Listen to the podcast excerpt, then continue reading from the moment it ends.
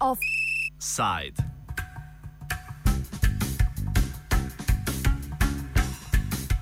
Civilno-družbena inicijativa Volitve 2014 LGBT, ki vključuje več nevladnih organizacij, katere se zauzemajo za pravice istospolne skupnosti, je na današnji tiskovni konferenci izrazila zaskrbljenost, ker najnovejši usnutek koalicijske pogodbe ne predvideva urejanja pravic skupnosti lezbik, gejev, biseksualcev in transseksualcev. Sporočilo tiskovne konference nam obnovi aktivistka za pravice LGBT skupnosti Barbara Reigel. Torej, um, tiskovka je bila uh, organizirana strani civilno-družbene inicijative Volitve 2014 LGBT, ki se je organizirala že pred volitvami, zato ker smo zaznali že pred volitvami nek trend, uh, bi rekla, ignorance ali pa nekega nelagodja v zvezi z vprašanjem uh, urejanja istospolnih partnerstv, uh, družin in tako naprej. Uh, zdaj, eh, po volitvah se je pa pravzaprav izkazalo, da je bila naša skrb upravičena. Uh, v osnutku koalicijske pogodbe je to vprašanje urejanja zakonodaje in pravic uh, izpadlo, tako da smo pač danes sporočili svoje pričakovanja in upamo, da glede na to, da se zdi, da bo vlada levo-sredinska, da bodo te, te zadeve vključili. Pravzaprav si ne znamo predstavljati, da ta vprašanja v naslednjem mandatu um, uh, s temi uh, strankami ko koalicije ne bi bila uh, urejena. Sporočilo tiskovne konference obnovi tudi aktivist Roman Kuhar, ki načne tudi primerjavo z zakonsko ureditvijo položaja istospolnih v sosednjih državah novinarska konferenca bila namenjena opozorilu um, in naši zaskrbljenosti, uh, ko iz medijev spremljamo informacije o nastajanju nove koalicijske pogodbe, da v tej koalicijski pogodbi človekove pravice ostajajo obrobna tema in še natančneje. Uh, reševanje uh, položaja istospolnih partnerskih skupnosti, družin iz te koalicijske pogodbe, iz te koalicijske pogodbe popolnoma izpadlo in sploh niso uh, omenjeni. In upozorili smo na to, da imamo v Sloveniji že 16 let dolgo zgodovino, da smo imeli v parlamentu že šest različic različnih zakonov, ki naj bi urejali to področje, pa so bili bodi si uh, zavrnjeni, bodi si zavrnjeni na referendumu ali sploh nikoli obravnavani in da je zdaj skrajni čas, da se to področje uredi. Tudi zaradi tega, ker nas na tem področju prehitevajo vse sosedne države, pred nekaj tedni recimo Hrvaška. Kako je torej položaj LGBT skupnosti urejen na Hrvaškem in v drugih sosednjih državah? Vsaka zakonodaja, ki na področju diskriminacije ne odpravlja diskriminacije v popolnosti, in vzpostavlja razliko med uh, eno skupino in drugo skupino, je seveda nezadostna. V tem smislu se lahko strinjam, da uh, so vse rešitve, ki niso enake tisti rešitvi iz družinskega zakonika našega, ki je popolnoma izenačeval raznospolne in istospolne pare in tudi um, družine. Uh, nezadosten. In v tem smislu je seveda tudi hrvaški zakon lahko na ta način razumemo kot nezadosten. Vendarle, uh, pa um, v praksi vsakdanjega življenja eh, hrvaški zakonik vendarle ureja pomemben del vprašanj. To ne pomeni, da je potrebno biti, um, da je s tem konec zgodovine in da se ta zgodba ne nadaljuje, ampak ljudje, ki danes živijo v istospolnih partnerskih skupnostih in se dnevno srečujejo z različnimi težavami in problemi ali pa z nevarnostjo teh težav v primeru smrti in tako naprej, so vendarle dobili zaščito danes in tukaj. In, um, če pogledamo zgodovino sprejemanja te zakonodaje v Evropi, je.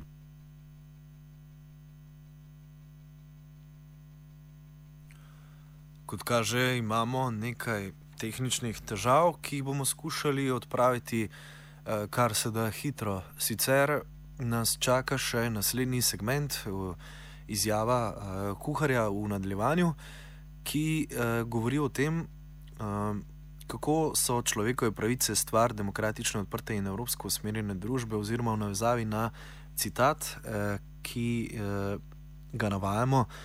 strani civilno-družbene inicijative Volitve 2014 kot nedopustno štejemo tudi poskuse umestitve vprašanja pravic LGBT med ideološka vprašanja, ki naj bi delila slovensko javnost.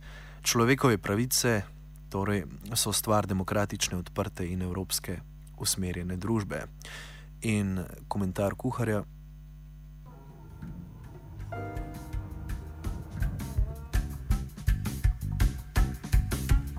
kratkem glasbenem premoru zaradi tehničnih težav smo ponovno nazaj v Daj Offside. In v njej, kratko poročilo, ki sta nam ga, nam ga podala Barbara Reigel, aktivistka za pravice LGBT skupnosti. Eh, poročilo pa seveda se dotika današnje tiskovne konference civilno-družbene inicijative Volitve 2014 LGBT. Drug povzetek je naredil aktivist Roman Kuhar in ostali smo pri delu, ki se nanaša na položaj LGBT skupnosti na Hrvaškem in v drugih sosednjih državah. Vsaka zakonodaja, ki na področju diskriminacije ne odpravlja diskriminacije v popolnosti in vzpostavlja razliko med uh, eno skupino in drugo skupino, je seveda nezadostna. V tem smislu se lahko strinjam, da uh, so vse rešitve, ki niso enake tisti rešitvi iz družinskega zakonika našega, ki je popolnoma izenačeval raznospolne in istospolne pare in tudi um, družine. Uh, nezadosten. In v tem smislu je seveda tudi hrvaški zakon lahko na ta način razumemo kot nezadosten. Vendarle pa um, v praksi vsakdanjega življenja uh, hrvaški zakonik vendarle ureja pomemben del vprašanj. To ne pomeni, da je potrebno biti, um, da je s tem konec zgodovine in da se ta zgodba ne nadaljuje, ampak ljudje, ki danes živijo v istospolnih partnerskih skupnostih in se dnevno srečujejo z različnimi težavami in problemi ali pa z nevarnostjo teh težav v primeru smrti in tako naprej, so vendarle dobili zaščito danes in tukaj. In, um, če pogledamo zgodovino sprejemanja te zakonodaje v Evropi, je bila za eno samo izjemo Španijo povsod postopna. Torej, um, nažalost se je ne, pač, uh, ta zakonodaja sprejemala v različnih delčkih. Ampak um, V tem smislu se mi je seveda zdelo, da je sprejem te zakonodaje na Hrvaškem pomemben korak naprej v pravo smer. Tisto, kar se je pa zgodilo leta 2005 v Sloveniji, ko je bil sprejet zakon o istospolnih partnerskih skupnostih, je bil pa um, korak naprej, ampak v napačno smer, če mene vprašate, zaradi tega, ker je bil ta zakon sprejet s figo v žepu, ker je bilo že takrat jasno, da je lukničast, da ni dober, da ne naslavlja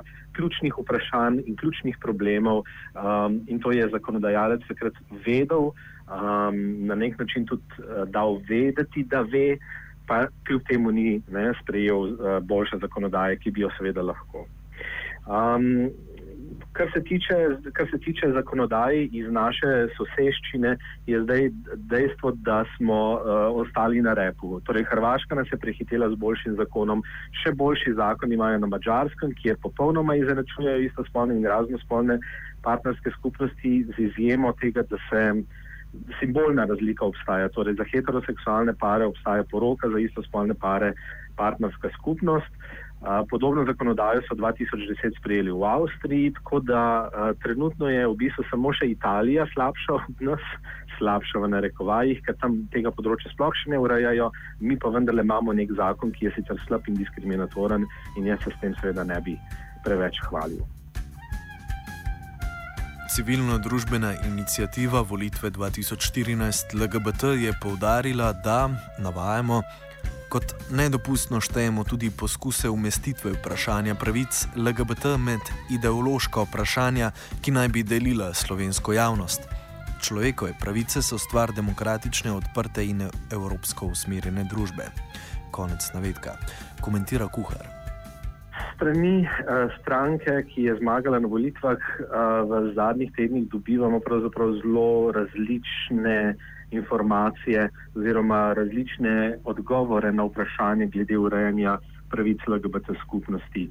Pred volitvami, kot veste, stranka Mira Čerarja ni želela podpisati neke zaveze, s katero bi se obvezala, da bo spoštovala človekove pravice vseh manjšin in da bo uredila področje LGBT skupnosti. Kljub, potem pa je uh, Milo Cerar na Twitterju vendarle sporočil, da se sam zauzema za te pravice in da sam podpira to skupnost in da, tako kot sem jaz razumel tisti tweet, da razume, da je to področje potrebno urediti. Um, informacije ali pa interpretacije, da je to ideološko vprašanje, se mi zdijo um, zelo nevarne, ker če bomo človekove pravice proglasili kot ideološko vprašanje v tem populističnem smislu, kot to ideologijo razumemo, oziroma se ne, ta izraz uporablja v javnosti, potem pod vprašaj pravzaprav postavimo temelje naše države, ki ne, vendarle v ustavi temelji na spoštovanju človekovih pravic. In to je ta formalni okvir, ki ga bi bilo potrebno upoštevati. V tem smislu človekove pravice seveda ne morejo biti ideološko vprašanje. Je pa seveda to priročen, populističen, um, retoričen obrat, ki ga je Nova Slovenija in pa še kdo uporabljal za to, da bi diskvalificiral to temo oziroma da se s tem ne bi bilo potrebno ukvarjati. Um, jaz vendarle pričakujem, da bo stranka, ki je zmagala, uh, svoje predvoljivne obljube oziroma interpretacije uh, glede GLBT skupnosti, ki so bile v končni fazi podporne in um, nekako je bilo rečeno, da bo to področje urejeno, da bo te obljube izpolnila in dejansko um, to področje naslovila. Zdaj, ko Nova Slovenija ni več v koalicijskih pogajanjih, verjetno to še toliko lažje kot uh, mogoče nekaj dni nazaj. Pravna podlaga za ureditev pomembnega vidika pravic istospolne skupnosti že obstaja. Ustavno sodišče je namreč državnemu zboru že dvakrat, leta 2009 in 2013, naložilo pripravo zakona, ki bi urejal vprašanje dedovanja, vendar očitno ni prave politične volje. Ja, eden od razlogov, zakaj je to področje potrebno urediti, sta dve odločbi ustavnega sodišča. Prva iz leta 2009, ki je ugotovila, da obstoječi zakon, zakon o istospolnih partnerskih skupnostih, o registraciji istospolnih partnerskih skupnosti, eh, da je ta zakon v 22. členu, ki ureja področje dedovanja, neustaven, ker drugače ureja dedovanje za istospolne pare kot za raznospolne pare. Druga odločba iz leta 2013. Eh, se ravno tako nanaša na vprašanje dedovanja. Ustavno sodišče je takrat ugotovilo, da ni nobene razlike med istospolnimi pari, ki niso registrirani, in heteroseksualnimi pari, ki niso poročeni, ki torej živijo v zunaj zakonski skupnosti. Imajo pa enako pravico dedovanja kot poročeni pari, medtem ko istospolni pari pa ne. Skratka, ustavno sodišče je v dveh točkah že uh, zelo jasno povedalo, da je obstoječa zakonodaja diskriminatorna in da jo je potrebno spremeniti. Um, drža, um, v obeh odločbah je postavilo šestmesečni rok državnemu zboru, da spremeni zakonodajo. In tako država zdaj že v primeru prve odločbe štiri leta in pol ni naredila ničesar, čeprav bi problem morala rešiti v šestih mesecih. Ta druga odločba je zdaj v zraku že več kot eno leto um, in na tem področju se preprosto stvari ne premaknejo naprej. Vsi načeloma na deklarativni ravni govorijo, da je to področje potrebno urediti, ampak ko pa pride do konkretnih dejanj, se nam pa vedno znova zatakne in občutek imam, da se, nas, da se nam v zadnjem času še bolj zatika, kot se je mogoče pred časom. Kakšno ureditev potrebujemo v Sloveniji? Mislim, da je odgovor na to vprašanje um, bil podan leta 2009, ko je Ministrstvo za delo, družino in socialne zadeve predlagalo nov družinski zakonik in to področje, ne samo istospolne pare in družine, ampak celotno področje družinskega in partnerskega življenja na novo uredilo. Ker tisto, kar moramo vedeti, je, da istospolne partnerske zveze in družine niso edina sprememba na področju družinskega življenja v zadnjih 30 letih. Ne, družinsko življenje se je um, in tudi oblike družin so se bistveno spremenile in to področje zagotovo zahteva novo zakonodajo. Tisto, kar je seveda potrebno narediti, je v osnovi izenačiti um, raz, torej, pravice raznospolnih in istospolnih parov, to, kar je družinski zakonik v svoji prvi, prvotni različici tudi naredil. Kot rečeno, o tem se pogovarjamo že 16 let. Prve pobude so nastale konec 80-ih let in so izhajale iz takratnih novih družbenih gibanj. Mislim, da ne potrebujemo več razprave na to temo. Um, odgovori so jasni, rešitve so jasne, ne na zadnje imamo veliko zgledov v drugih državah Evropske unije, treba je samo zbrati politično voljo in sprejeti zakonodajo. In tukaj se nam zatika. Ali bodo prihajajoče lokalne volitve pomenile priložnost za promoviranje boja za pravice istospolno usmerjenih? Odgovarja aktivist Mitja Blažič. Vsakeč, ko se v javnosti odpre vprašanje človekovih pravic in ko javnost o tem razpravlja, uh, vsakeč to pozitivno prispeva k temu, da smo korak bliže v dejanju teh pravic. Zdaj vi veste, da mi že 30 let odpiramo vprašanja enakopravnosti gejev in lezbik, 25 let že odpiramo vprašanje uh, enakopravnosti istospolnih parov in družin in človekovih pravic teh skupnosti. Uh, in jaz sem prepričan, da tudi uh, na lokalnem nivoju bi bilo potrebno uh, ta vprašanja umeščati v predvolilno kampanjo in preverjati, uh, kateri kandidati in kandidatke podpirajo človekove pravice in take potem voliti na, na mesta, tudi v lokalne skupnosti. Ravno Ljubljana je namreč tak primer, ko se vidi, ko nek um, uh, voditelj lokalne skupnosti, ko nek župan podpira to vprašanje, kako se potem skupnost razvija in kako se stvari uh, urejajo, kako se odpravljajo krivice in diskriminacije in kako lahko uh, manjšine uh, bolj normalno in suvereno zaživijo ali bodo prihajajoče lokalne volitve predstavljale priložnost za prvo razkritje istospolno usmerjenega slovenskega politika, odgovarja Blažič. Ja, uh, vsi heteroseksualni kandidatke in kandidati razkrivajo svojo spolno usmerjenost. Povejo ponavadi, da imajo družine. To se recimo na državni ravni zelo dobro videlo v zadnji kampanji, ko so novinarke in novinarje spraševali tudi o zasebnem življenju in so uh, kandidatke in kandidati večinoma z veseljem pripovedovali o svojih družinah. In če heteroseksualni kandidatke in kandidati lahko in z veseljem razkrivajo svojo spolno usmerjenost, ne vidim razloga, da bi tudi uh, istospolno usmerjeni kandidatke in kandidati počeli isto. Offside sta pripravila Dejan in Matija.